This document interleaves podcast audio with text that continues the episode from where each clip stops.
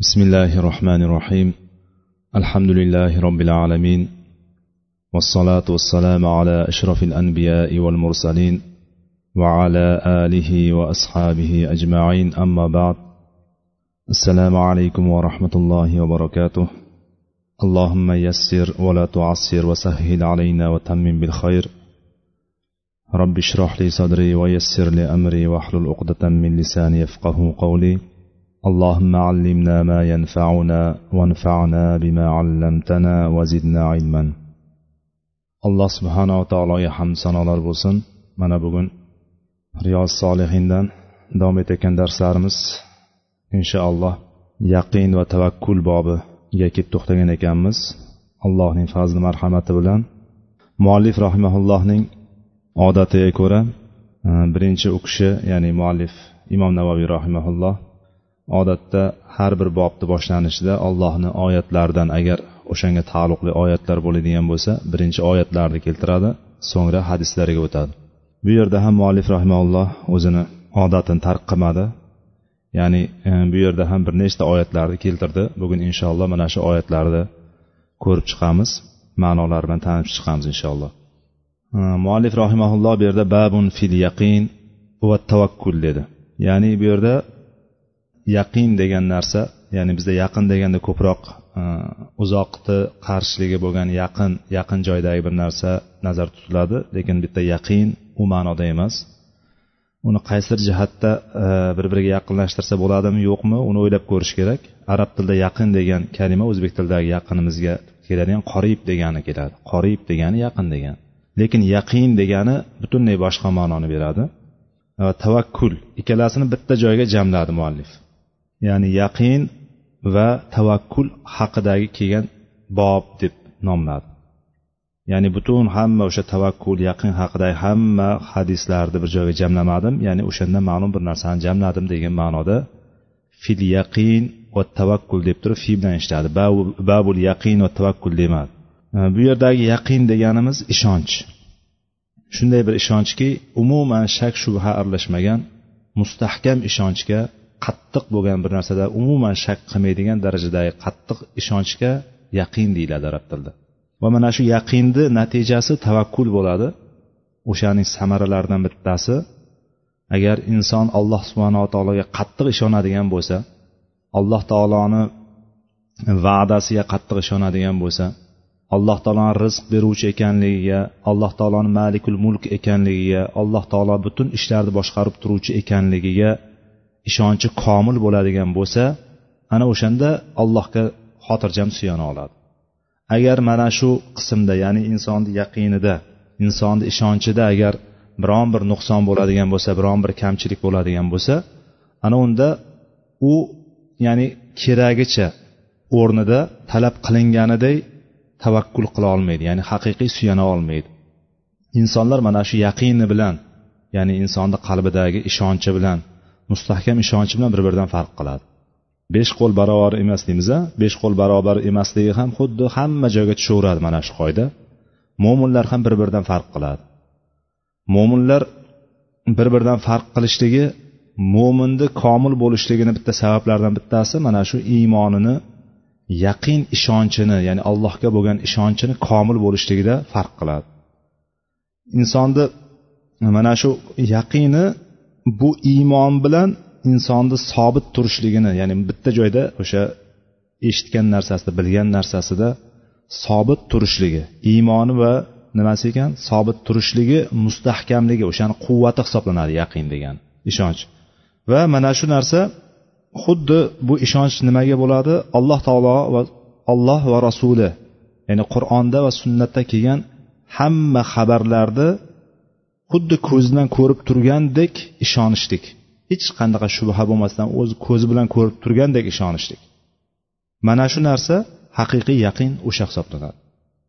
Shubhani yoki yoki biron bir ishonmaslikni ishonqiramaslikni qaysi bir ko'rinish bo'lishidan qat'iy nazar bu narsaga ishonchga aralashib qoladigan bo'lsa o'sha yaqin ishonchga aralashib qoladigan bo'lsa yaqinlik darajasidan tushadi. Yaqin shunday bir narsaki alloh taologa qattiq ishongandan keyin g'ayibda ko'rmasdan turib allohni bergan va'dalari jannat do'zax qabr azoblari va g'ayb ko'rilmagan butun g'ayb ishlarni bizga xabarini berdi. Biz bunga ishonamiz. Biz bunga mustahkam ishonamizki allohdan boshqa biron bir kishi bir holatdan ikkinchi holatga hech kimni o'zgartira olmaydi deb turib la havla va la quvvata illa billah deymiz. Allohdan boshqa kuch quvvat sohibi ham va bir holatdan ikkinchi holatga o'zgartiruvchi ham yo'q deb bilamiz. Va mana shuni payg'ambar sallallohu alayhi vasallam jannat xazinalaridan bir xazina deganlar. Mana shu kalimani. Yaqin shunday narsaki hattoki bu yaqin narsa insonni qalbidagi ishonch agar mushrik kishida bo'ladigan bo'lsa ham kofir kishida bo'ladigan bo'lsa ham alloh taolo o'sha qalbidagi yaqiniga yarasha unga najot beradi. Bunga oyatlarda bir qancha joylarda ishoralar bor. Ishoralar borligi alloh taolo aytadiki insonlarni mana shu dengizga chiqqan paytda dengizga kemalarga minib chiqqan paytda ularni bir katta to'lqin kelib turib ularni uyoqdan bu yoqqa aylantirib go'yoki hozir ag'darilib ketadigan holatga olib kelib qo'ygan paytda odamlar yolg'iz allohgagina ibodat qilishadi ya'ni yolg'iz allohgagina duo qilishadi o'sha yerda. Ya'ni qalbidan shunaqa bir ishonch keladiki agarchi u kofir bo'lsa ham agarchi u mushrik bo'ladigan bo'lsa ham qalbidan shunaqa bir haqiqiy ishonch paydo bo'ladiki qalbida boshqa hech narsa shakka o'rin qolmaydi. Ya'ni faqatgina ollohgina bu o'rindan qutqara oladi degan ishonch kelishligi bilan o'sha ishonchi sababidan alloh taolo unga najot beradi. Biz mo'minlar mana shu ishonchga sohib bo'lishga harakat qilishligimiz kerak. Mana shu narsani egallashga qalbimizdagi ishonchni tobora orttirib borishlikka harakat qilishimiz kerakki alloh taolo bizni duolarimizni ijobat qilsin. Alloh taolo bizni mushkullarimizni kushoyish qilsin. Va mana shu ishonchni ya'ni yaqin ishonchni samarasi o'sha samaralardan bittasi tavakkul ekan. Bu yerda ko'proq o'sha yaqindan ko'ra oyatlarga bunday nazar soladigan bo'lsak muallif rahimaulloh tavakkul haqidagi oyatlarni keltirgan. Chunki bu tavakkul qachon yuzaga kelarkan? Albatta yaqin ishonch paydo bo'lgandan keyin insonni qalbida mustahkam ishonch paydo bo'lgandan keyin tavakkul yuzaga keladi bo'lmasam tavakkul yuzaga kelmaydi ekan shulardan birinchi oyatda ahzob surasining yigirma ikkinchi oyatini muallif keltirdi أعوذ بالله من الشيطان الرجيم ولما رأى المؤمنون الأحزاب قالوا هذا ما وعدنا الله ورسوله وصدق الله ورسوله وما زادهم إلا إيمانا وتسليما degan oyatni keltirdi ya'ni bu holat shunday bir holatki inson qo'rquv paytidagi holat Alloh taolo mo'minlarga o'sha ahzob kunidagi holatni eslatdi. Bu oyatda ahzob kunida bo'lgan holatni alloh taolo qur'onda mo'minlarga xabar berdi. Mana shu xabarni biz siyrat kitoblaridan tarix kitoblaridan juda yaxshi bilamiz. Va bu narsani qur'onda ham kelyapti. Biz buni mutlaqo tasdiqlaymiz. Ya'ni o'sha paytda biz o'zimiz ishtirok etmagan bo'lsak ham ko'zimiz bilan ko'rmagan bo'lsak ham yoki ko'zidan ko'rgan odamni eshitmagan bo'lsak ham bizga kim xabar beryapti? Alloh va rasuli xabar beryapti. Ya'ni tarixchilardan ham tarixchilardan eshitib ishonchli tarixchilar bo'ladigan bo'lsa musulmon tarixchilar bo'lsa olamiz o'sha narsani. Hatto buni nima?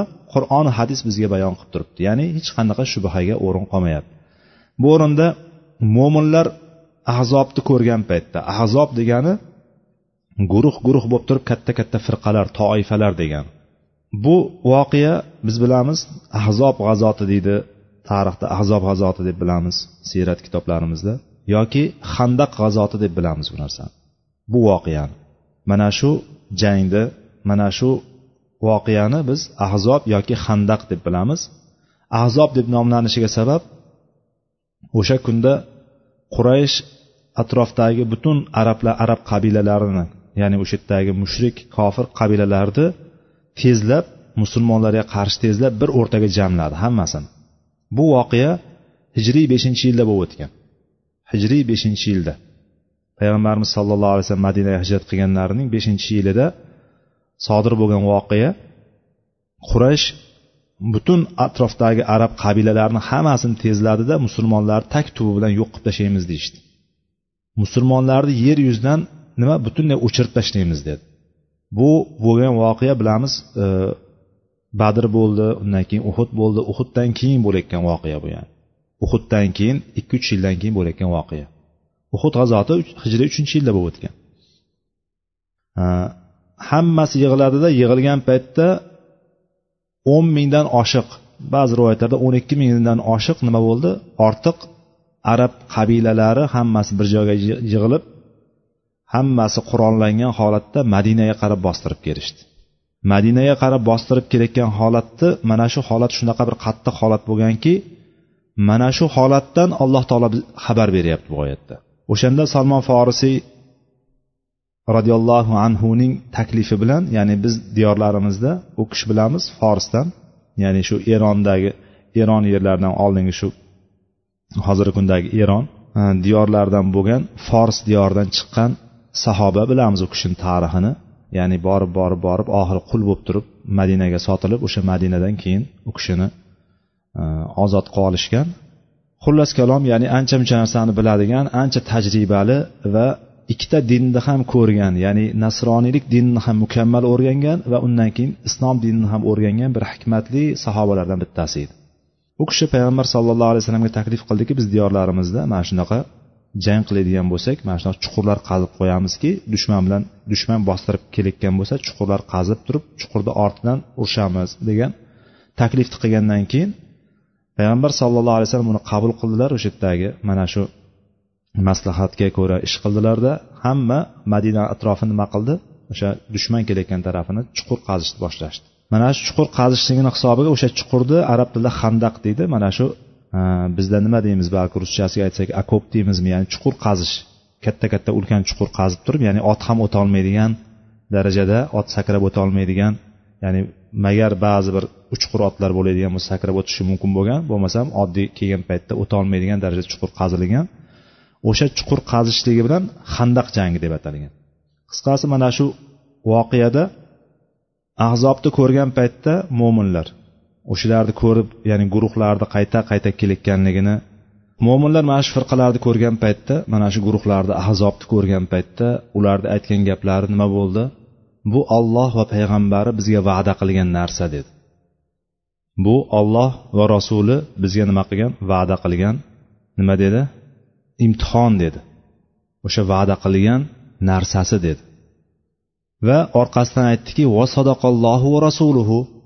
Alloh taoloni bu bergan va'dasi edi va alloh va payg'ambar rost so'zi rostdir dedi. Ya'ni haqiqatdan olloh va rasuli rost gapirdi dedi. Bu holatdan mazadahum illa imana va taslima dedi. Alloh taolo xabar beryaptiki o'sha mo'minlarni sahobalarni o'sha kundagi holatini bu holatdan ya'ni ustlariga bostirib kelayotgan mana shu firqalarni son sanoqsizligini shuni ko'rib turganda juda katta bu bostirib kelishgan. Hamma tomondan o'rab kelgan paytda o'shani ko'rgan paytda ularni iymonlariyu bo'ysunishliklari itoatlari nima bo'lib ketdi? Yanada ziyoda bo'lib ketib qoldi. Aslida bu e, dushmanni atrofdan bostirib kelayotganini ko'rgan odam qalbiga qaysidir jihatda qo'rquv tushib qoladi.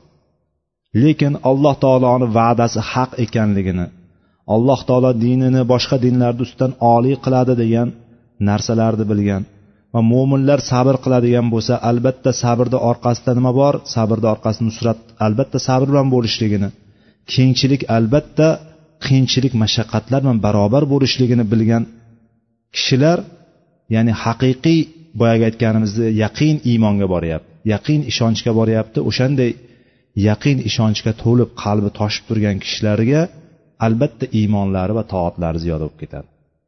bu holatda alloh taolo qur'onda marhamat qiladiki mana shu holatni o'zini ya'ni ayni ahzob e, o'sha e, ahzob surasini o'zida yana aytadiki va izzag'otil va balag'otil qulubul zununa mu'minuna zilzalan shadida. Ya'ni haqiqiy bo'lib o'tgan voqea qanday bo'lgandi o'sha kunda? O'sha kundagi voqeada mo'minlarni o'sha yerdagi ko'zlari tinib ketdi ya'ni charchoq bu yoqda boyagi aytayotgandek handaq qazish bilan og'ir bu yoqdan bostirib kelayotgani xabari hammasini o'shalar yaqinlashib kelgan paytda ko'zlari tinib ketdi ularni ko'rib. Shunaqa ko'p katta hamma tomonni o'rab kelgan qo'shinni ko'rganda ko'zlari tinib qalblari bo'g'izlariga tiqilib qoldi deyapti. Alloh taolo aytyapti.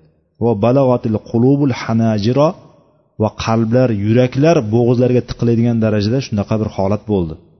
Va o'sha paytda deyapti va tazunnuna billahi zununa o'shanda alloh taolo mo'minlarni ichida sahobalarni ichidagi holatni umumiy tarzda gapiryapti. Sizlar olloh haqida turli xil gumonlar qila boshladilaringiz deyapti. O'sha holatda ko'rib mo'minlarga sahobalarni ichida bu degani hammasi shunaqa bo'lib qoldi degani emas lekin o'shalarni ichida shunday kishilar bor ekanligidan dalolat bu sahobalarni ichida nima olloh haqida turli xil gumonlarga borib qolgan kishilar bor ekanligini alloh taolo xabar beryapti. Ana o'shanda hunalika mu'minun va zulzilu zilzalan shadida. Ana o'shanda ana o'sha joyda ya'ni o'sha holatda mo'minlar imtihon qilingandi o'shanda.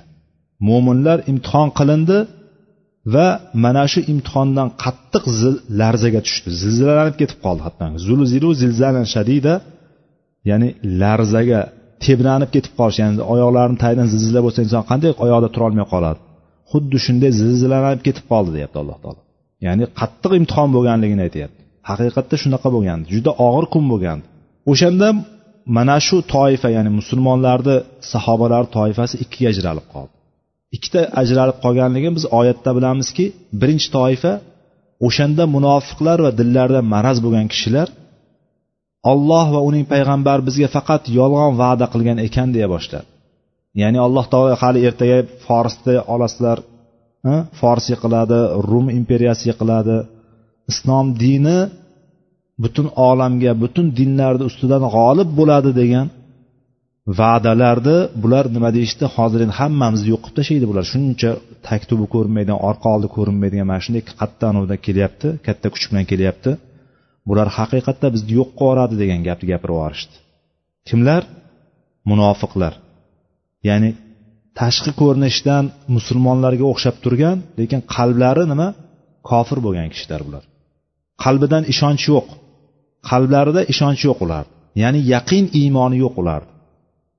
Va'dalarni eshitadi eshitadi eshitadi go'yoki ertak eshitganday yoki afsona eshitganday davom etib ketaveradi yo'ldan.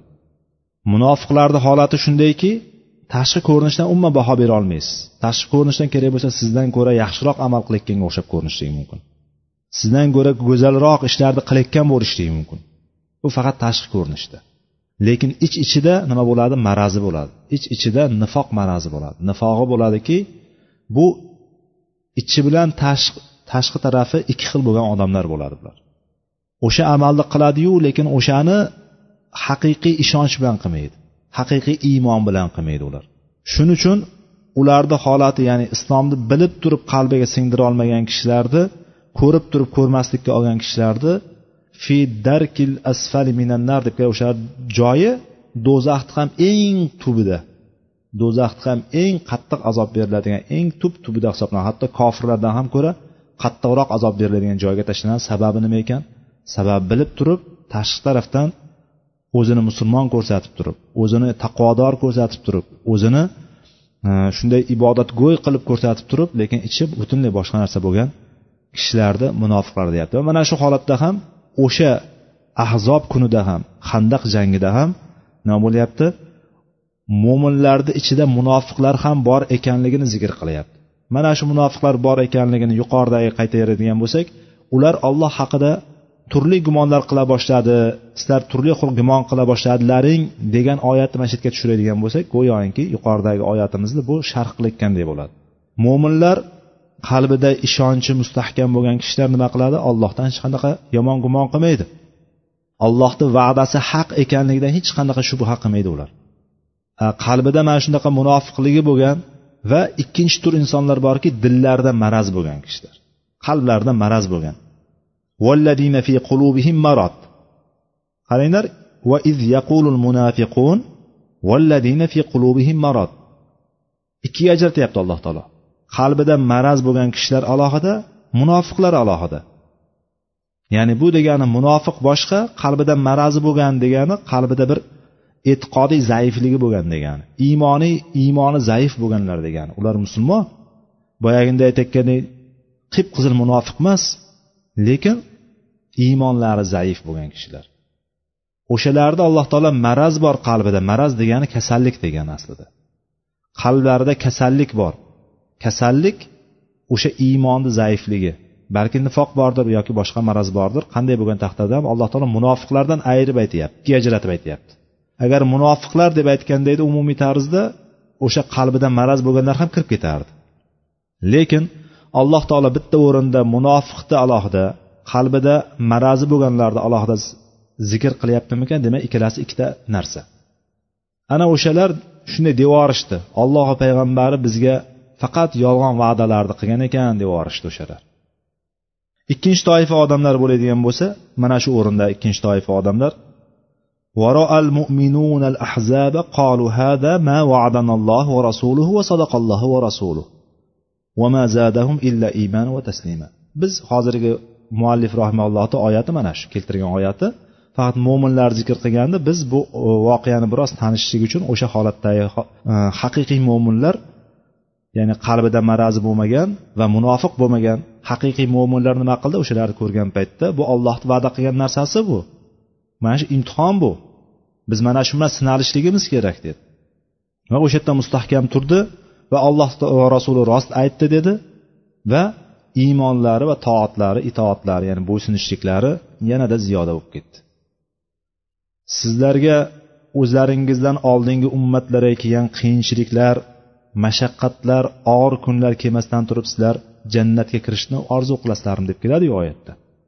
Ya'ni bizga mo'minmiz degandan keyin bizni o'z holatimizni tashlab qo'yishligimizni umid qilamiz. Yo'q alloh taolo albatta sinov beradi qaysidir jihatda beradi lekin o'sha sinovni sinov o'laroq ko'rishlik har kimga ham nasib qilavermaydi.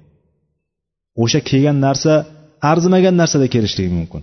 Arzimagan narsani kelishligi mumkin lekin o'sha arzimas deb sanagan narsamiz nima qilishligi mumkin?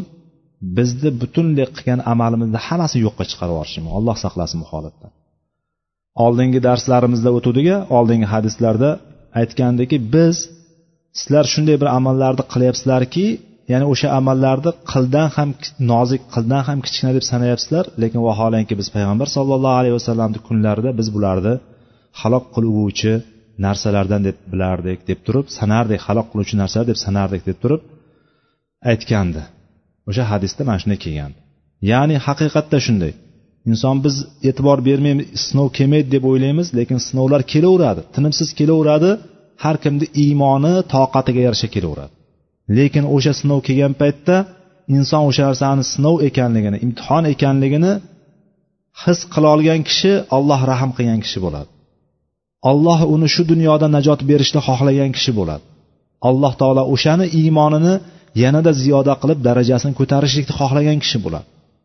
Lekin boyagi aytayotganda qalbida marazi bo'lib qolsa alloh saqlasin. Qalbda iymoniy zaiflik bo'lib qoladigan bo'lsa nima bo'lib qoladi? O'sha paytda inson siljib ketib qoladi. Alloh bu holatdan saqlasin va alloh taolo bizga mana shu haqiqiy komil iymonni bersin. Mana bir holatda yana aytilyaptiki insonlarni holatida va minan nasi man ya'budulloha ala harf. Ya'ni odamlar orasida shunday bir kishilar borki bir chetda ya'ni bu bir chetda degani e, harf degani bu yerda ya'ni ichidan emas ya'ni sidqi dildan emas balki tilni uchida nima qiladi? Ibodat qiladigan kimsalar bor deyapti. Odamlarni orasida bor. Ibodat qilib yuradi lekin boyagi aytayotgan tilni uchida qilayotgan bo'ladi. Hamma narsani nima? Shunchaki yuzaki qilayotgan bo'ladi. Yuzaki qilayotganligi bir voqea bo'lib qoladigan bo'lsa hamma narsadan kechib yuboradi alloh taolo adolatsiz ekan deb yuboradi nauzubillah. Alloh taolo men nima gunohim bor ekanki menga mana shu narsani berdi deydi.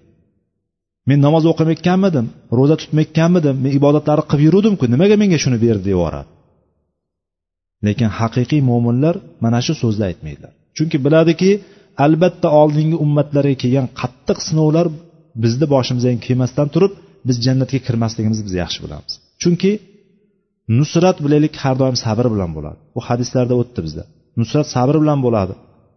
Qiyinchilikda qiyinchilik har doim osonchilik bilan birga bo'ladi. Qiyinchilik bor ekan albatta bir osonchiligi bo'ladi. Lekin o'sha osonchilik kelishligiga nima bo'ladi? Bir qiyinchilik bo'lishligi kerak oldi kengchilik har doim nima bilan bo'ladi? Mashaqqat bilan bo'ladi. Shuning uchun yozib qo'yilardi bir paytlar. O'zimizda har har joyga yozib qo'yadi hikmatli so'zlar deb yozib qo'yadi. Tez kelgan narsa ya'ni oson kelgan narsa tez ketadi deydi ya'ni bir narsa iymon shunaqa bir narsaki osongina kelib qolmaydi u narsa. Iymonga biz o'sha narsani yo'lda yuramiz harakat qilamiz o'rganishga harakat qilamiz o'sha narsani o'zimiz hayotimizga tadbiq qilib boshlaymiz. Qalbimizdagi narsani tashqariga chiqarib boshlaymiz va qalbimizga narsani mustahkam o'rnashtirishga harakat qilamiz. O'shan bilangina erishamiz. Men iymon keltirdim bo'ldi deb turib tashlab hech narsa qilmaslik bilan ish bo'lmaydi.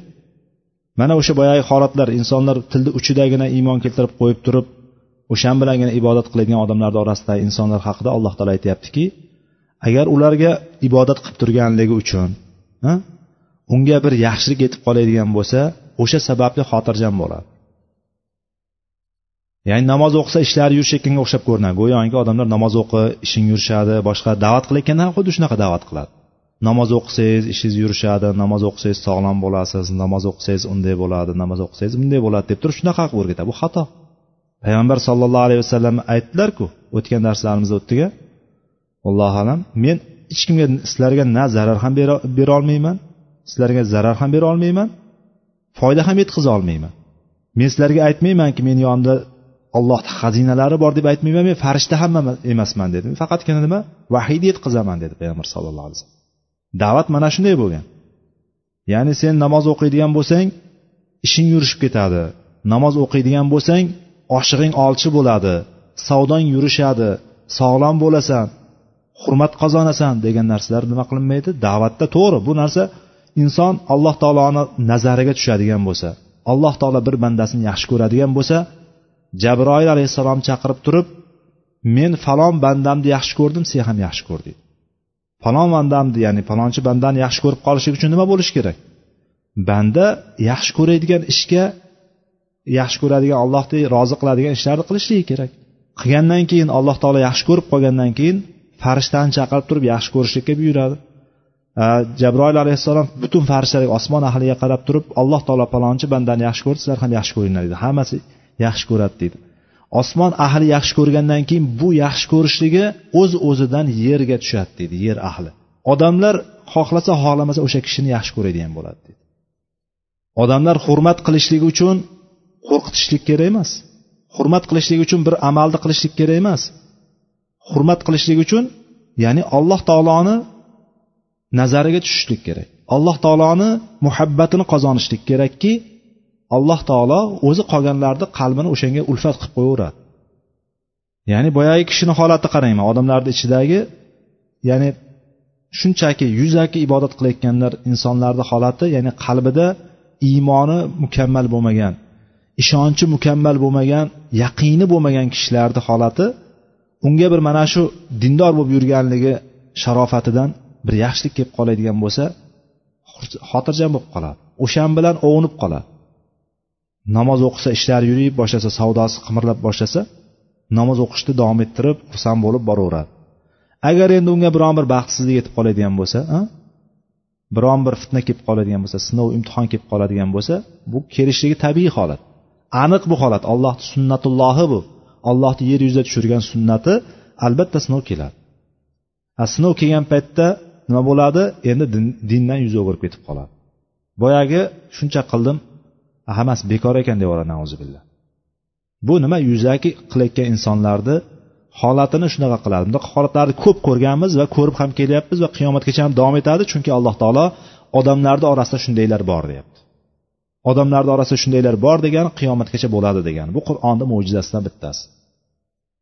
Mana shunday yuzini o'girib ketib qolganlar dindan yuz o'girib ketib qolganlar dunyoyu oxiratda ziyon ko'rganlar ham o'sha haqiqiy ochiq oydin ziyondagilar o'shalar hisoblanadi. Bu haj surasini o'n birinchi oyati ekan hozir aytganimiz. Undan keyingi oyatda muallif rahimaulloh yana bir voqeani holatni keltirdi bizga. Yana bir bo'lgan voqeadan ya'ni ayni shu jihod maydonlarida bo'lgan voqealardan bittasini keltirdi. O'sha holatda alloh taolo aytdiki alladina qola lahumun nasu innan nasa qad jama'u lakum fakhshawhum fazadahum imana va qalu hasbunallohu va ni'mal vakil فانقلبوا بنعمة من الله وفضل لم يمسسهم سوء واتبعوا رضوان الله والله ذو فضل عظيم bu oli imron surasini yetmish uchinchi yetmish to'rtinchi oyatlarida ya'ni sahobalarga qarata payg'ambar sollallohu alayhi vasallamga qarata ayrim kimsalar alladina qola lahumunnas ya'ni shunday bir insonlar aytadiki odamlar ya'ni odamlardan murod bu yerda quraysh kofirlar quraysh kofirlari quraysh odamlari sizlarga qarshi sanoqsiz nima qildi? To'plandi. Qod jamaulakum sizlarni yo'q qilib tashlaymiz deb turib hammasi to'plandi. Fahshovhum qo'rqinglar ulardan deyishdi. Bu holat qachon bo'ldi? Bu holat uhud kunida bo'ldi bu holat. Uhud g'azotini bilamiz uhud g'azotida ya'ni shu hijriy uchinchi yilda bo'lib o'tgan voqea. Eng katta g'azotlardan bittasi va musulmonlarni achchiq mag'lubiyati bilan e, yakun topgan musulmonlarni ma'lum bir qismini ya'ni e, yanada aniqroq qilib aytadigan bo'lsak tog' ustida turgan kamonchilarni xatosi tufayli nima bo'ldi? Musulmonlarga mag'lubiyat keldi. Musulmonlar yengib turgan joyida g'olib bo'layotgan joyida kamonchilar biz ortiq mag'lub e, g'olib bo'ldik biz ortiq deb turib nima qilib ketdi? G'animatlarga tushib ketib qoldi payg'ambar sollallohu alayhi vasallamni buyruqlarini esdan chiqarib qo'yishdilar. Esdan chiqarib qo'yishmadi eslatildi o'sha yerda. Ey payg'ambar sallallohu alayhi vasallam hech qanday holatda qimirlamay turinglar shu yerdan degandi desa boyagida nima qildi? Osiylik qilib qo'yishdi. Inson mana shunaqa osiylik qilib qo'yadigan xato qilib qo'yadigan zot ya'ni insonni mana shunaqa qilib yaratdi alloh taolo. Insonni betoqat insonni shoshiruvchan shoshqaloq qilib yaratdi alloh taolo. Mana shoshqaloqlik qildida xato qilib turib tushib ketib qoldi. Orqadan kelgan otliq holid ibn valid hali u payt mushrik edi. Orqadan kelib turib qattiq zarba berdi. Qattiq zarba berishligi natijasida musulmonlar yetmishta yetmishtadan ortiq nima berdi? Shahid berdi va orqaga chekinishga majbur bo'ldi. Payg'ambar sollallohu alayhi vasallam ham nima qildi? Qattiq yaralandilar o'sha g'azotda mana shu holatda keyin bu mana shavvol oyida bo'lib o'tdi. Keyin orqaga qaytishdi bular. Ya'ni yengilgandan keyin orqaga qaytishdi. Madinaga kelgandan keyin payg'ambar sallallohu alayhi vasallamni ko'ngillari xotirjam bo'lmadi. Payg'ambar sallallohu alayhi vasallam ya'ni quraysh ya'ni ochiq g'olib ham bo'lolmadida quraysh. Go'yoki bular toqqa chiqib ketib qolishdi ular keldi o'sha paytda e, payg'ambarimizni o'ldirdik deb o'ylagandi. Xitob qilgan paytda umar roziyallohu anhu payg'ambar sallallohu alayhi vasallam nomidan gapirdilar. Ya'ni payg'ambar shu yerda deb turib gapirganlaridan keyin bularni ichida qaysidir jihatda ya'ni bir martaga sindirdik musulmonlarni bir martaga sindirdikda endi musulmonlarni oxirigacha ya'ni haqiqiy g'olib bo'laylik degan narsa kelib qolishligi mumkin ularga. Yana o'sha niyat bilan madinaga qaytishligi mumkin degan narsa payg'ambar sallallohu alayhi vasallam tinchini buzdilar. O'sha narsa tinchini buzgandan keyin payg'ambar sallallohu alayhi vasallam ertansi kuniga o'sha bu ham shavvol oyida bo'layotgan madinaga kelganini ertansi kunida yana chaqirdiki kecha uhudda ishtirok etganlar hammasi jamlansin dedi biz chiqamiz dedi. Hammamiz chiqamiz dedi o'sha borib turib o'sha e, mushriklarni taqib qilamiz dedi. Boyagi quraysh mushriklarini taqib qilib turib o'sha joyga borib turib nima qilishlikni yana g'azot qilishlikdi. Ya'ni bu uhud g'azotdan tashqari bo'lgan bir g'azot e, tarixda hamrol asad g'azoti deb turib nomlangan g'azot yuzaga keldi. Ya'ni g'azot deganimiz payg'ambar sallallohu alayhi vasallam o'zlari ishtirok etgan yurish harbiy yurishni g'azot deymiz. Ha? Payg'ambar sallallohu alayhi vasallam o'zlari ishtirok etmaganda nima derdik? Sariya derdik. Ho'p mana shu hamrol asadda payg'ambar sallallohu alayhi vasallam boshqa hech qanaqa ya'ni o'sha uhudda ishtirok etmagan biron kishini qo'shmadi safga. O'sha kishilarni o'zini olib turib payg'ambar sallallohu alayhi vasallam yurdilar va madinadan e, o'rtacha shu e, taqriban bir sakkiz millik e, uzoqlikda bo'lgan shu hamrol asad degan joyga keldilar. O'sha joyga kelib turib boyagi chodirlarini tikdilar. O'sha ya'ni hozirgi kunda aytayotganimizda harbiy lagerni qurdilarda o'sha yerda turganlarida abu sufyon bu yoqdan yana shu boyagi aytayotgandek payg'ambarimizni gumonlari o'ylari to'g'ri chiqqandi. Abu sufyon qaytadan borib turish madinaga hujum qilishni nima qilayotgandi? O'ylayotgandi musulmonlarni tak bilan yo'qotib tashlaymiz degan fikrni oldinga surayotgandi lekin o'sha yerda bir voqea bo'ldiki alloh taolo ularni qalbiga o'sha bir ba'zi bir voqealarni tafsilotigacha kirib yotmaymiz. O'sha voqea bo'ldiki hatto o'sha yerdagi kofirlar hatto e, hatto abu sufyonni ham qalbiga o'zi qo'rquv tushib qoldi. Qo'rquv tushib qolgandan keyin bu yana o'sha o'rtadan chiqib ketishlik kerak. Lekin o'sha o'rtadan chiqib ketayotgan taqdirda ham nima qilyapti? E, ma'naviy jangni boshlayapti. Ma'naviy jangni boshlamoqchi bo'ldida hozirgi kundagi masalan xabarlar e, har xil xabarlar tarqatilishligi e, boyagi islom dushmanlarini kuchini ko'rsatishlikka harakat qilishlik yoki bo'lmasam bir taraflama bo'layotgan voqealarni ochib ko'rsatishlik bu narsa musulmonlarga ma'naviy jang degan narsa bu. Ma'naviy jang boyagi aytayotgandek urushni qoidalaridan bo'lib kelgan urushni bir shartlaridan bo'lib kelgan go'yoki oldindan davom etib kelgan narsa. Shulardan abu sufyon ham shuni qilaman dedida o'sha payt ularni abu sufyon turgan joydan e, bir madinaga qarab ketayotgan abdul qays qabilasidan bo'lgan kishilar karvoni o'tib qoldi. Shunda abu sufyon ularni to'xtatdida agar shu anonga borsalaring hali makkaga qaytadigan bo'lsalaring men sizlarga mukofot beraman dedi. Shu rivoyatlarda kelishicha shu boya bir tuya sizlarga to'la mayiz beraman degan anavi bilan taklif bilan faqat bitta shartim bor borganda shu madinaga borganlaringda muhammadga sollallohu alayhi vasallam borib turib qurayishni shunaqa katta qo'shin to'plaganligini va sizlarni tak tublaring yo'q qilib tashlashlikka ont ichganligini nima qildi? Aytasan deydi. O'shani sizlarga qattiq o'sha narsani qilamiz deb turib o'shani yo'q qilib tashlaymiz degan narsani hujum qilishga kelyapti ekan odamlar to'plab qo'yibdi degan narsani yetkazasan desa u bo'pti deydi. Xullas boyagi qabila karvon payg'ambar sollallohu alayhi vasallamni o'sha e, homroul asadda ekan paytlarida yetib keladi. Yetib kelib turib xuddi shu so'zlarni aytadi. Ya'ni shu so'zlarni alloh taolo qur'onda keltirdiki quraysh odamlari sizlarga qarshi son sanoqsiz lashkar to'plagan qo'rqinglar deganda bu gap ularni iymonlarini ziyoda qiladi mo'minlarni iymoni ziyoda qildi ko'ryapsizlarmi? Iymonlari yanada oshib ketdi ortib ketdi. Ya'ni iymonlari qalblariga ishonchlari yaqinlari shunaqa to'laydiki bu narsa bu gap ularni iymonini ziyoda qildi va aytishdiki hasbunalloh va ni'mal vakil deyishdi. Bizga yolg'iz ollohni o'zi kifoya dedi. Hasbunalloh ollohni o'zi yetarlicha kifoya qiluvchi zotdir. Va u eng yaxshi ishonchli vakildir deyishdi. Ya'ni faqat bizga olloh yetarli dedi. Ollohni o'zi kifoya qiladi dedi. Allohni o'zi bizga yordam beradi allohni o'zi nusratini beradi dedi. Va shunday bo'ldiki boyagi abu sufyon butun qo'shinni olib turib orqasiga qaramasdan shu go'yoki qochganday makkaga qarab turib ketishdi. Qochishdi haqiqatda. Qo'rqishdi chunki o'shalar bilan yana duch kelib qoladigan bo'lsa qo'rquvdan boyagi karvonga boyagidek qo'rqoq birinchi musht ko'taradi deganday gapini aytdida to'planyapti ekan dedida lekin o'zlari nima orqa oldiga qaramasdan turib makkaga qarab turib ketishdi. Payg'ambar sallallohu alayhi vasallam o'sha hamroul asadda uch kun qoldilar. Shavvol oyini to'qqizinchi o'ninchi o'n birinchi kunlari kutib o'sha yerda turdilar lekin ular boyagi aytilayotgan bu karvon kelib turib xabar bergan quraysh odamlari hammasi yig'ilib turib sizlarga qarshi kelyapti ekan degan narsani yolg'onga puchga chiqdi. Va mana shu bilan alloh taolo aytyaptiki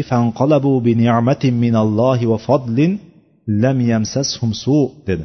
Ya'ni sahobalar o'shanda biron bir yomonlik yetmasdan ularga ya'ni biron bir jang ham bo'lmadi biron bir noxushlik ham yetmasdan mana shu yurishda allohning ne'mati va fazli bilan qaytdilar deyapti. Allohni ne'mati va fazli nima edi? Ularni iymonlari mustahkam bo'ldi birinchidan. Ikkinchidan nima bo'ldi? G'alaba bilan qaytdi. Kofirlarni qalbiga qo'rquvni soyon holatda g'alaba bilan qaytishdi. Va ollohni roziligini istardi ular. O'sha ollohni roziligini talab qildi. Alloh taolo esa fazli marhamati ulug' bo'lgan zotdir. Zu fodlin azim. Ulug' fazl egasi alloh taolo. Alloh taolo o'zini ne'matini berdi o'shanda. Nusratini berdi. Jangsiz nima bo'ldi? G'alabani berdi. O'shanda shayton shunaqa bir narsani olib keladiki oyatda ham aytadiki e, alloh taolo oyatda aytadiki innama shayton. U shaytondir. O'sha shayton albatta shayton nima qiladi? Sizlarga o'zlarini do'stlari bilan qo'rqituvga qo'rqitishga harakat qiladi sizlarni o'zlarini o'zining bir avliyolari degan o'zini do'stlari ya'ni e, atrofdagi atrofidagi kofirlari o'zini gumashtalari bilan sizlarni qo'rqitmoqchi bo'ladi. Agar mo'min bo'lsalaringiz ulardan qo'rqmangiz mendan qo'rqingiz deydi alloh taolo. Ya'ni nima? Qalbga ikkilanishni olib keladigan narsa nima ekan? Albatta shayton olib keladi ekan bu narsani. Shayton olib keladi. O'zini avliyolari bilan ya'ni o'zini do'stlari bilan o'zini kofir gumashtalari bilan nima qiladi? Qo'rqitmoqchi bo'ladi. Unday qilsang bunday bo'ladi ekan. Bunday qilsang bunday bo'ladi ekan hozir ehtiyot topib turaylik ehtiyotni olganda hamma narsani yig'ishtirib qo'ya qolaylik ko'chada kerak bo'lsa sigaret chekib yursang bo'ladi ko'chada ro'mol ursang bo'ladi degan nimalarni o'zini gumashtalari bilan qo'rqitmoqchi bo'ladi. Lekin haqiqiy mo'minlar nima? Nima qiladi? Bu narsadan qo'rqmaydi alloh taoloni aytgani bilan. Ulardan qo'rqmangiz mendan qo'rqingiz deyapti. Alloh taolo o'zidan qo'rqishlikka targ'ib qilyapti.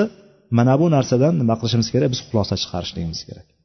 mana bu mo'minlarni iymoni qanaqa darajada bo'lishligi kerakligini bu oyatlar bizga ta'lim beryapti undan keyingi oyatda فإذا عزمت فتوكل على الله dedi والآيات في الأمر بالتوكل كثيرة معلومة dedi muallif mana shu oyatni keltirdida فإذا عزمت فتوكل على الله endi bir narsaga azm qaror qiladigan bo'lsangiz bas allohga tavakkul qiling dedi allohgagina suyaning dedi alloh taolo payg'ambar sallallohu alayhi vasallamga bo'layotgan buyruq Bu butun mo'minlarga butun insonlarga bo'lgan buyruq shu bo'ladi. Faida azamta bir narsaga qaror qildingizmi qaroringizda qat'iy turing endi. Hozir bir narsani gapirib qo'yib turib e, orqasidan qaytaydigan bo'lmang demoqchi. Ya'ni bir ishga qat'iy qaror qildingizmi ya'ni birinchi fil amr. Ular bilan ya'ni sahobalar bilan bu ham uhud g'azotidan keyin bo'layotgan holat. Ular bilan o'zingizni ishlaringizda ular bilan maslahatlashing. Maslahatda ya'ni sabab maslahat sabab bo'lyapti. Maslahatni qilinadi umumiy ko'proq g'olib bo'lgan fikr ushlanadi. Endi o'sha fikr ushlangandan keyin faida azamta undan keyin inson qarorga keladi. Maslahat so'rash kerak ekan deb turib unga borib maslahat so'rab u sal nafsiga to'g'ri kelmaydigan gapni gapirib qo'yadigan bo'lsa borib bundan maslahat so'rab maslahat so'rab yuraverib yuraverib kunini oyini yilini o'tkazib yubormaydi inson. Inson allohga istixora qiladi. Nima qiladi keyin? O'ziga yaqin olgan o'sha yerda fikr olsa bo'ladi degan fikr sohiblari bilan maslahat qiladi. Maslahat qilgandan keyin undan keyingi bosqichga o'tadi qaror. Bir qarorga keladi. Ko'ngli chopgan bir qarorga keladi. Maslahatni natijasi va istixorasini natijasidan keyin nima qiladi? Bir qarorga keladi. Bir qarorga kelganda nima qilish kerak ekan? Qarorni oxirigacha turish kerak. Qarorni oxirigacha turishlik degani faida azamta fatavakkal alalloh endi azm qaror qildingizmi sabablarni ushlab bo'lgandan keyin qarorga kelgan bo'ladigan bo'lsangiz ana undan keyin allohga suyanishlik kerak tavakkul qilishlik kerak. Sabablarni ushladim bo'ldi ham kelib chiqmaydi. Buni ko'p gapiramiz ya gapiraveramiz ham. Sabablarni inson qachon o'ziga ishonib yuradi? Qachonki o'zi xotirjam bo'lib turadigan bo'lsa. U aytadiku dunyoni suv bossa o'rdakka neg'am deb. Haqiqatda o'zida yetarlicha puli bor boshqasi bor tanish bilishi bor boshqasi bor u xotirjam va o'sha katta gapiradi ham. Katta gapirayotganligi qanaqa jihatdan o'sha sabrga chaqiradi. E bunaqa qilish kerak emas inson bunaqa anavi bo'lmaslik kerak tushkunlikka tushish kerak emas boshqa qilish kerak emas bemalol bo'lish kerak faqat allohga suyanishlik kerak degan gapni kattasini gapiradi. Lekin kattasini gapiradi sababi nima? U sababni ushlab turibdi. U allohga ishonib turmayapti sababga ishonib turibdi. Agar o'sha sabab topib qo'yadigan bo'lsa undan ko'ra orqaga orqaga qarab turib ketib qoladigan odam topolmay qolishingiz mumkin. Ya'ni bu olloh rahm qilganlar boshidan boshqalari haqida gapiryapmiz. Albatta olloh rahm qilgan kishilar bundan mustasno. Lekin alloh taolo aytadiki bandalarimni ichida shukur qilguvchilari oz deydi. Bandalarim ichida oz deydigan bo'lsa demak haqiqatda oz ekan. Iymonni haqiqatini tushungan. Alloh taologa haqiqiy suyana olgan. Haqiqatda oz ekan. Nimagadir suyanib yashayapmiz. Allohga emas. Biz allohga suyanishimiz qanchalik bo'ladigan bo'lsa bu ham aytayotganimiz boyagi yuqoridagi yaqinga borib taqaladi. Hamma narsa allohni qo'lida ekanligiga biz iymon keltiramizmi? Ha iymon keltiramiz.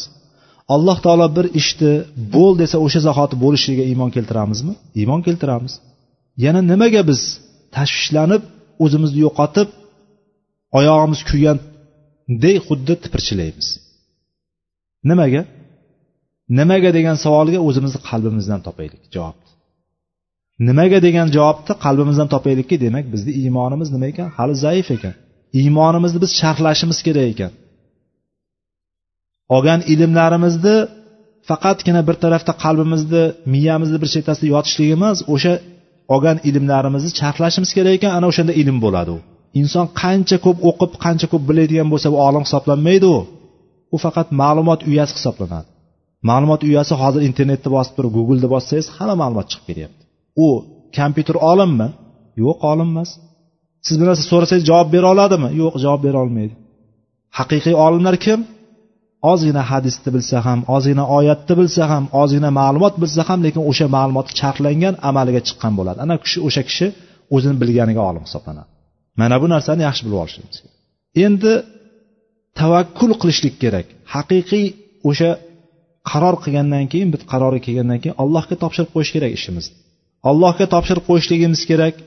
O'sha bir yaxshi tarafga yaxshi natija chiqadigan bo'lsa alhamdulillah. Alloh taoloni fazli marhamati agar o'sha natijadan keyin yomon narsa biz biz uchun yomon ko'rilgan narsa muvaffaqiyatsizlik yuzaga keladigan bo'lsa nima qilamiz?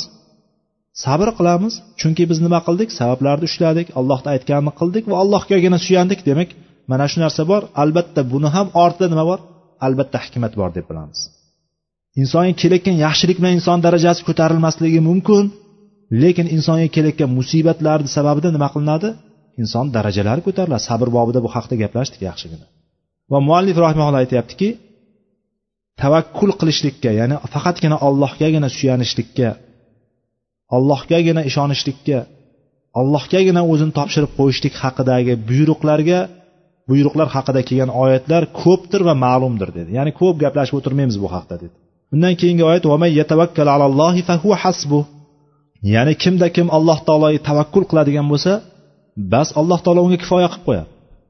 Alloh taolo unga yetarli yetarli bo'ladi. Kim allohga suyanadigan bo'lsa demak unga natija ma'lum. Shuning uchun ham yuqoridagi oyatda nima dedi sahobalar? Hasbunalloh va ni'mal vakil deyishdi. Allohni o'zi bizga yetarlicha nima dedi? Kifoya qiluvchi zotdir dedi. Biz allohgagina o'zimizni topshirib qo'ydik dedi. Alloh taolo o'zi nimani qayerga qo'yishligini juda yaxshi biluvchi zotdir. Undan keyingi oyatda muallif rahimulloh aytdiki alloh taoloni quyidagi oyatini keltirdi. Innamal mu'minuna allazina idza zukirallohu vajilat qulubuhum va idza tuliyat alayhim ayatuhu zadatuhum imana va ala robbihim yatavakkalun oyatini keltirdi. Va aytdiki orqasidan tavakkul qilishlikni fazli haqida fazilati haqidagi oyatlar juda ko'p va ma'rufdir dedi. Hammaga ma'lum dedi. Ya'ni bu yashirincha qolmagan narsalar dedi. Endi bu yerdagi oyat tarjimasiga o'tadigan bo'lsak oyat tarjimasi innamal mu'minunalladina idza zukiralloh vajilat qulubuhum. Ya'ni faqat ollohni nomi zikr qilinganida qaranglar ida dukiralloh innamal mu'minun haqiqiy mo'minlar kimlar? Alladina ida dukirallohu vajilat qulubuhum haqiqiy mo'minlar sifatlari biz o'zimizni bir tekshirib ko'raylik. Biz haqiqiy mo'minlik safiga o'tdikmikan yo hali ancha bormikan? Yoki ozgina qolibdimikan degan narsani mana shu oyat bizga go'yoki tarozu vazifasini o'taveradi. Haqiqiy mo'minlar innamo ta'kid bilan kelyapti. O'shani ta'kidlab aytyaptiki haqiqiy mo'minlar shulardir qaysiki ular deyaptiki yana ta'kidlab aytyaptiki agar olloh zikr qilinadigan bo'lsa olloh eslatiladigan bo'lsa zikr qilishlik degan biz tasbehda olib turib zikr qilishni tushunib qolganmiz ko'pchilik tasbeh o'girishni lekin bu emas zikr qilishlik degani haqiqiy zikr ollohni doimiy eslab turishlik. Ollohni qudratini allohni butun koinotni boshqarib turuvchi ekanligini malikul mulk ekanligini ya'ni allohni umumiy olib qaraganda fe'liy sifatlari ism sifatlarini biz nima qilishimiz kerak? Yaxshi bilishligimiz kerak. Alloh taoloni eslatilgan paytda alloh taolo zikr qilinganida qalblariga qo'rquv tushadi. Vajilat qulubuhum qalblariga qo'rqinch tushadi ular. Qo'rqinch tushadi degani inson qo'rqib boyagi bir narsadan qattiq qo'rqib turib e, qochishlik emas. Alloh taolonidan qo'rqishlik degani alloh taoloni buyukligi. Agar bir gunohni qilib qo'yadigan bo'lsa inson alloh taolo o'shani albatta e, nima qilishligi o'shani iqobi bor ekanligini o'shani jazosi bor ekanligini his qilib turishlik allohni shunchalik buyuk zot ekanligidan qalbga nima tushadi ekan? Qalbga bir haybat tushadi ekan. Qo'rquv tushadi ekan. Va qo'rquv tushishligi natijasini qaranglar. Qo'rquv tushganda qochishlik emas. Qo'rquv tushgan paytda va allohning oyatlari tilovat qilingan paytda nima qiladi? Zadathum imana. Allohni eslagan paytda ular bir qalbida bir titrash yuzaga keladi. Qalblari titraydigan badanlari junjikadigan kishilar bo'ladi. Olloh eslatilgan paytda yana ovqatini yeb o'tiravergan emas. Ma'ruza bo'lib yotadi bu yoqda ovqatini yeb o'tiraverishlik emas.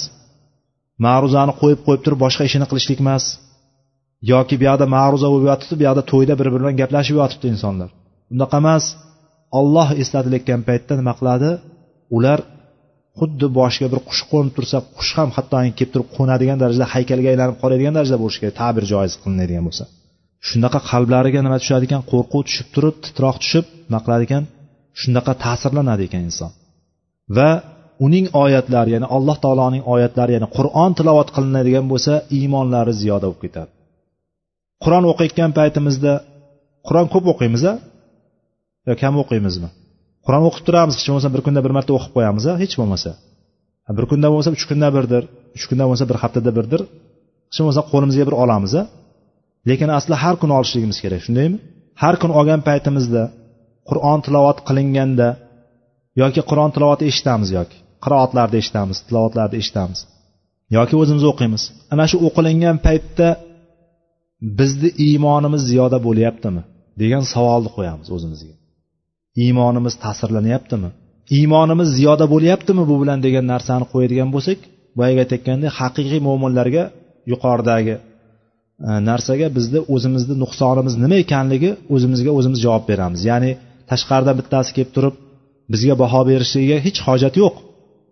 O'zimizga o'zimiz qaysi darajada ekanligimiz o'zimizni iymonimiz qayerda ekanligi ishonchimiz yaqinimiz qanchalik darajada ekanligini o'zimizga o'zimiz baho bersak bo'laveradi. Birinchisi olloh zikr qilganda qalbimizga titroq qalbimizga bir haybat qalbimizga bir qo'rquv tushyaptimi? Bu bir. Endi ollohni oyatlari tilovat qilinadigan bo'lsa iymonimiz ziyoda bo'lyaptimi? Va biz ollohgagina suyanyapmizmi? Va ala robbihim yatavakkalun va robbilarigagina suyanadi robbilarigagina ya'ni taliq bo'lib turgan narsa mutaallig'i oldinga o'tib qolishlik bilan. Ya'ni ala robbihim yatavakkalunga bog'lanib turibdi qoida bo'yicha nahu qoidasi bo'yicha. Bu oldinga o'tishligi bilan o'sha narsani faqatgina degan narsaga kelib chiqadi. Ya'ni allohdan boshqaga emas faqat robbilarigagina suyanadigan boshqa narsaga emas pulga emas tanish bilishiga emas ota onasiga emas qarindosh urug'iga emas. Kimga? Faqat robbilariga suyanadigan kishilargina haqiqiy mo'minlar hisoblanadi. Demak uchta sifat sanaldi bu yerda. Birinchisi ollohdan haqiqiy qo'rqyapmiz. Ollohdan shu olloh zikr qilingan paytda bir sal o'zimizga kelyapmizmi? Biz sal sergak tortyapmizmi? Qalbimizga oz bo'lsa ham qo'rquv tushyaptimi yo'qmi? Birinchisi. Tilovatlarni eshityapmiz yo bo'lmasam tilovat qilyapmiz. Iymonimiz ziyoda qilyaptimi? Ikkinchisi. Va biz o'ylab ko'raylik nimaga suyanyapmiz? Sabablarga suyanyapmizmi yoki sabablarni yaratuvchi zotga suyanyapmizmi? Robbimizga suyanyapmizmi yo'qmi? Mana shu uchinchisi bo'ladi. Haqiqiy mo'minlarni uchta sifati mana shu bizda bugungi e, o'tayotgan tavakkul bilan yaqinga tegishli bo'lgan mana shu uchta mana shu uchta narsa bo'ladi. Bu anfol surasini ikkinchi oyatda kelyapti. Uchta narsa birinchi. Va ularni keyingi sifatlarida namozlar to'kis ado qiladi namozlarni barpo qiladi deyapti alloh taolo. Va biz ularga bergan narsalardan infoq ehson qiladi deyapti. Yana haqiqiy mo'minlar sifatiga nima kiryapti? Birinchi qalbimizni o'nglab oldik qalbimiz iymonimizni ziyoda qildik. Haqiqiy olloh faqat allohgagina topshirdik. Ya'ni bu degani birinchi qalbimiz tuzaldi qalbimiz isloh bo'ldi. Endi jasadimiz isloh bo'lishlikka majbur. Chunki boshliq kim? Podshoh insonni tanasidagi podshoh qalb. Qalb qanday bo'lsa a'zolarni shunaqa narsaga buyuradi. Podshoni aytgani aytgan degani degan bo'ladi. Qalbimiz podsho bo'ladigan bo'lsa demak tashqi amalimiz ham tuzaladi. Mana shu qalbimiz tuzaldi boyagi uchta narsa bilan endi biz namozni o'z to'la to'kis ado qilishlik degani namozni vaqtlariga birinchi o'rinda rukunlariga farzlariga sunnatlariga xushu huzusiga e'tibor beradigan kishilar namozni to'la to'kis ado qilgan kishi hisoblanadi. Namozni iqomissola namozni qoyim qilgan namozni barpo qilgan namozni to'kis ado qilgan kishilar bo'ladi. Ana undan keyin beshinchi sifat bo'lyapti haqiqiy mo'minlarga olloh bergan narsalardan nima qiladi? Olloh bergan narsadan infoq qiladi. U berishligi har xil bo'lishligi mumkin. Inson ishlab topishligi mumkin birov berishligi mumkin har xil bo'lishligi mumkin. Qisqasi qayerdan kelsa kelsin qo'lingizga sizni pul kelsin o'sha narsa olloh berayotgan hisoblanadi. Yerga ekkan narsangizni olloh undirmaydigan bo'lsa qayerdan hosil olasiz? O'zidan o'zi paydo bo'lib qoladimi yo'q paydo bo'lib qolmaysiz. Mehnatni siz qilasiz beruvchi olloh bo'ladi. Ishni siz qilasiz boshqalarni qo'li bilan olloh sizga yetkazadi pulni yoki ishlamasdan turib ham kelishligi mumkin. Olloh rizq beruvchi zot. Ya'ni sizga o'sha kelayotgan narsalarni nima qilishlik? Infoq ehson qiladigan kishilardir deyapti. Haqiqiy mo'minlar va alloh taolo yana ta'kidlab aytyaptiki ulaika humul mu'minuna haqqo qaranglar ta'kidlarni bu yerdagi arab tilini biladiganlarni e'tibor beringlar ulaika hum al mu'minuna haqqo deyapti. Ana o'shalar haqiqiy mo'minlardir deyapti. Alloh taolo ta'kidlab yuqorida innamani ham o'zi ta'kid bilan kelgandi. Undan keyin ham mana shularni aytyapti. Haqiqiy mo'min bo'lishlik uchun demak qalb allohdan qo'rqishligi kerak. Qalbimiz alloh taoloni itoati alloh taologa bo'ysunishligi kerak. Tilovat qilgan paytimizda iymonimiz ziyoda bo'lishligi kerak va faqatgina allohgagina suyanishligimiz kerak. Tavakkulni faqat allohga qilishlikka qalbimizni majburlab burnini yerga ishqashligimiz kerak agar sabablarga suyanib qolayotgan bo'lsak. Boyagi aytayotgandek sabablar bo'lmaydigan bo'lmay qoladigan bo'lsa sabablar o'rtadan yo'qolib qoladigan bo'lsa ishlab turgan bo'lsak ishimizdan ayrilib qoladigan bo'lsak ishdan ketib haydab yuboradigan bo'lsa yo bo'lmasam boyagi bizga pul berib turgan kishi olamdan o'tib qoladigan bo'lsa yoki boyagi aytayotgandek kimdir qamalib qoladigan bo'lsa eri endi hamma narsa uzildi degan inson birdan birdan shu moddiy hayotga har bir qadamimiz moddiy hayotga aylanib qolganligi uchun moddiyat bilan o'lchanadigan hayotga biz tushib qolganligimiz uchun bizni birdaniga nima qiladi? G'am qoplab qoladi. Go'yoki butun dunyoni g'ami bizni ustimizga qo'yib qo'yilgandek bo'lib qolamiz. Alloh saqlasin.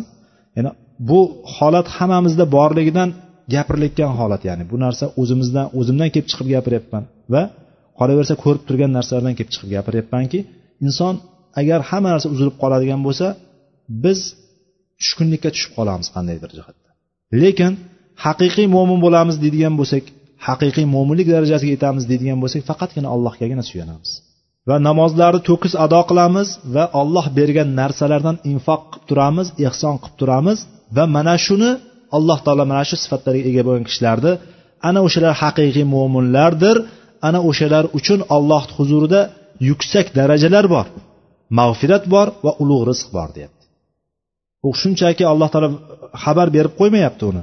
Ya'ni mana shunday mana shunday mana shunday ular haqiqiy mo'minlar deb to'xtatmayapti gapni va orqasidan bizni tama qiladigan joyimiz uni mukofotini ham aytib qo'yyapti. Siz mana shu sifatlarga ega bo'lishlikka harakat qilaveringlar men sizlarga beraman demoqchi. Valahum darajatun inda robbihim va robbilarini huzurida ularga darajatlar bor. Ya'ni darajat degan darajani bilamiz. Bitta baland pog'onani daraja deymiz. Darajama daraja yuksak darajalar bor. Jannatlarda darajalar bor yuqori darajalar. Va ularga mag'firat bor. Alloh huzuridan gunohlarni kechirishlik bor va rizqun karim va ulug' rizq bor. Ya'ni jannat bor. Alloh taolo bizni mana shu haqiqiy mo'minlardan qilsin qalblarimizni faqatgina ungagina bo'ysunib undan ungagina suyanadigan tavakkul qiladigan bandalardan qilsin. Eshitayotgan o'qiyotgan hadislarimiz oyatlarimizga amal qilishlikni alloh taolodan so'raymiz va alloh taolo bizga tavfiq bersin. Bilmaganlarimizni o'rgatsin va bilganlarimizga amal qilishlikda alloh taolo tavfiq bersin. Vallohu taala alam. سبحانك اللهم وبحمدك أشهد أن لا إله إلا أنت أستغفرك وأتوب إليك وآخر دعوانا أن الحمد لله رب العالمين.